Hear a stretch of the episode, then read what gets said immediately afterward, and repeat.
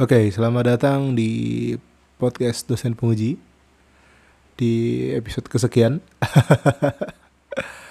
Tapi kita ada di rubrik proper podcast perkuliahan.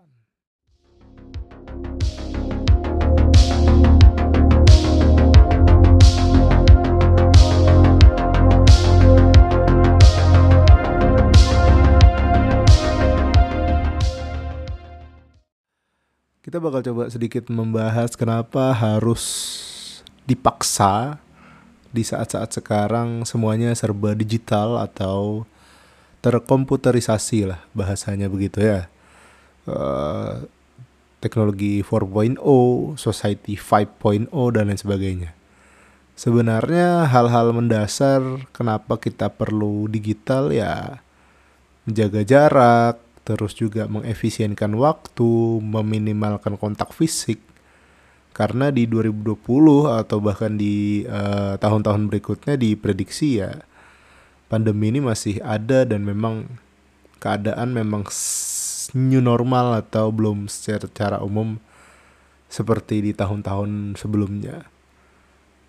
Pendidikan, pekerjaan profesional, jasa dan lain sebagainya semuanya perlu data-data digital atau memang hal-hal yang bertaut dengan uh, data yang memang bisa di apa ya diolah dengan fleksibel karena ada hal-hal yang perlu diperhatikan dan kita bakal coba bahas kali ini.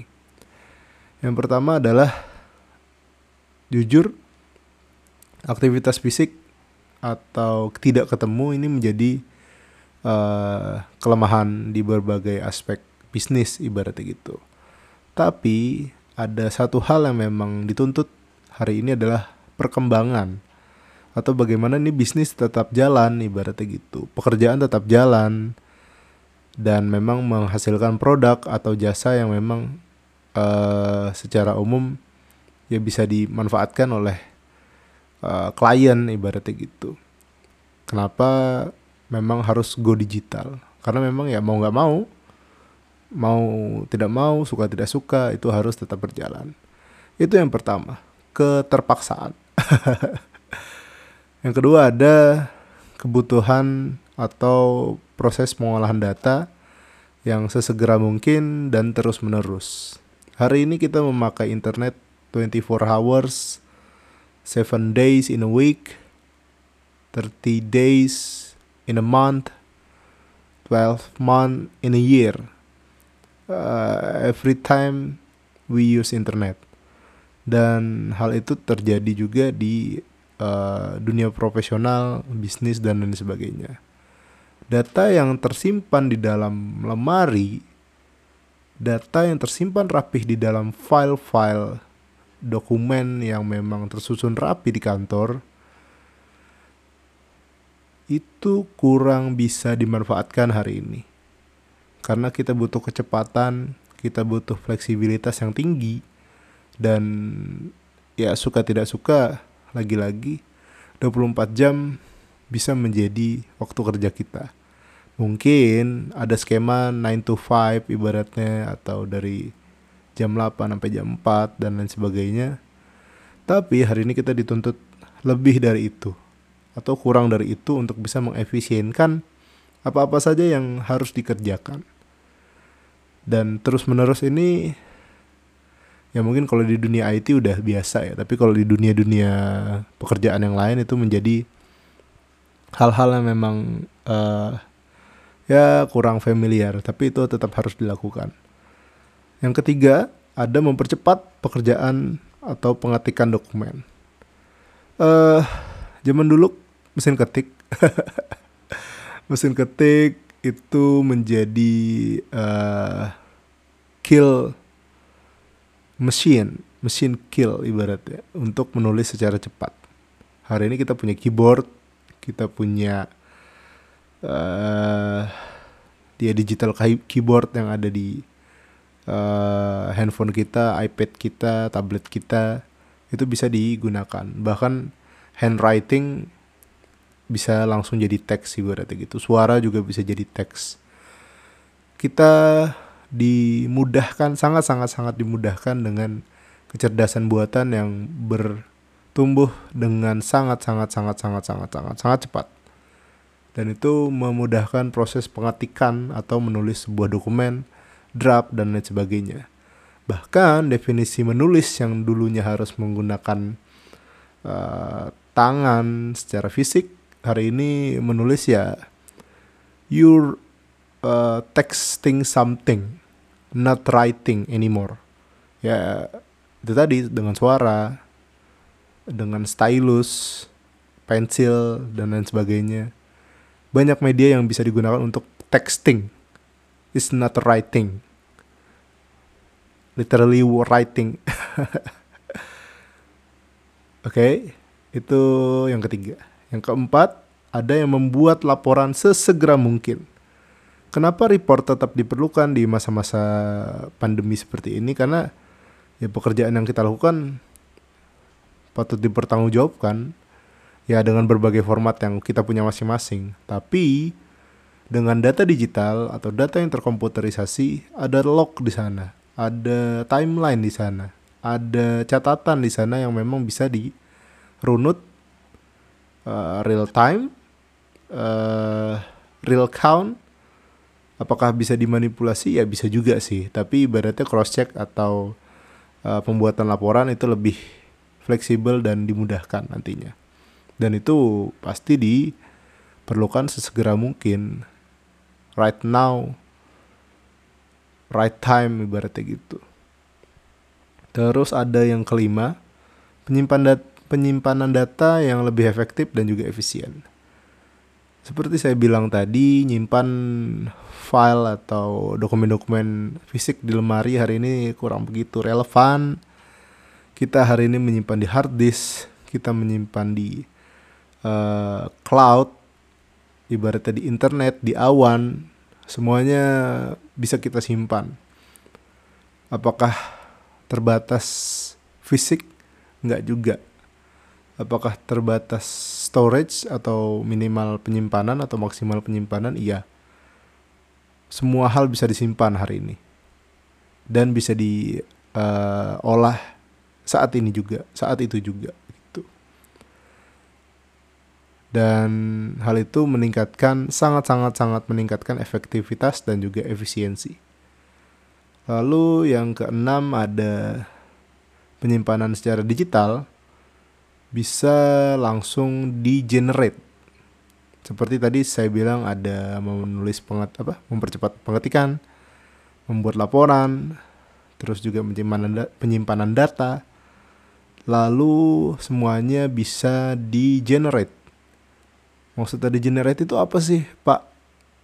Apa sih fungsinya di generate itu? Kita bisa mengolah hanya dengan satu kali klik kita bisa mengolah hanya kita bisa menghapus sesuatu hanya dengan sekali klik. Itu yang bisa di uh,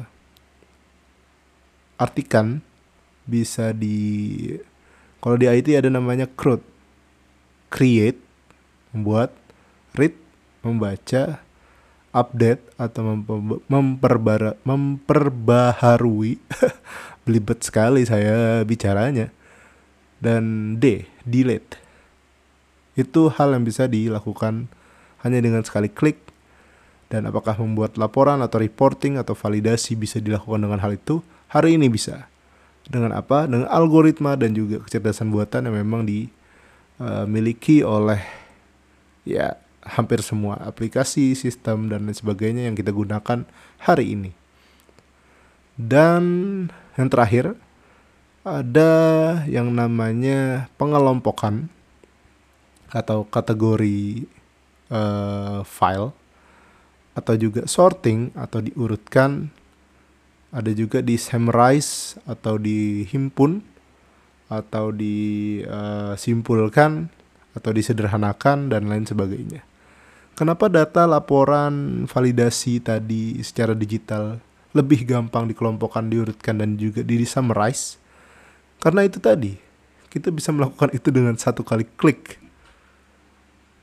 Kita bisa melakukan itu dengan algoritma. kita bisa melakukan itu dengan kecerdasan buatan kita membuat suatu program yang memang bisa mengolah hal yang memang bisa di uh, perlukan berulang-ulang ibaratnya gitu. Apakah file fisik di uh, campakan atau tidak diperlukan lagi? Enggak juga. Tapi yang pasti tidak semasif dulu penggunaannya. Ya tidak semasif dulu penggunaannya dan memang kurang bisa di apa ya kurang bisa dimanfaatkan di masa-masa pandemi hari ini. Saya nggak ngomong bahwa pandemi ini nggak selesai-selesai ya tapi paling nggak pandemi ini memaksa kita untuk bisa semuanya go digital lah ibaratnya gitu aduh pak data saya hilang apa segala macam. Makanya hari ini kita untuk masuk ke sistem kita masuk ke aplikasi loginnya benar-benar dikasih multiple ways. Kita bisa pakai username atau password biasa atau kita bisa pakai email kita kita bisa pakai Facebook kita. Itu sangat-sangat fleksibel dan uh, jadi pilihan tersendiri apakah itu dimanfaatkan? Iya. Apakah itu disalahgunakan? Iya juga. Jadi go digital hari ini ya uh, mulai dari yang levelnya anak TK levelnya paling bawah pendidikan sampai profesor ibaratnya gitu. Atau dari yang orang biasa atau pejabat atau siapalah. Semuanya menggunakan hal-hal yang berbau digital dan itu menjadi keniscayaan hari ini. Mungkin itu aja yang coba kita bahas hari ini. Kenapa go digital itu sangat-sangat penting. Komputerisasi hari ini sangat-sangat penting. Uh, belajar atau mau belajar hari ini sangat-sangat diperlukan. Kita nggak boleh berharap bahwa oh ini pandemi ntar aja kok ibaratnya. Kita nggak bisa begitu. Uh, bukan karena sebagai orang teknologi saya berkutat di uh, data dan lain sebagainya tapi ini adalah uh, pesan untuk semua orang bahwa ya digital itu kenyataan gitu loh. YouTube lebih dari TV kata Jovialda Lopez uh, literally terjadi hari ini. Gak usah YouTube lah ibaratnya platform digital atau media on demand bahasa kerennya itu lebih dari TV atau hal-hal yang diprogram kita bisa memilih apa pun yang kita mau hari ini. Kita bisa melakukan apa pun yang kita mau cari tahu hari ini. Semuanya sangat-sangat dimudahkan asal kita punya koneksi internet, uh, gadget dan lain sebagainya. Tinggal kitanya aja lagi. Mau nggak pakai itu untuk untuk untuk untuk hal-hal yang positif. Oke, mungkin itu aja podcast perkuliahan kali ini. Sampai jumpa di podcast-podcast selanjutnya. Silahkan di-share Eh, masukan-masukan uh, kalian sangat berarti bagi podcast ini. Terima kasih banyak sudah mendengarkan. Wassalamualaikum warahmatullahi wabarakatuh.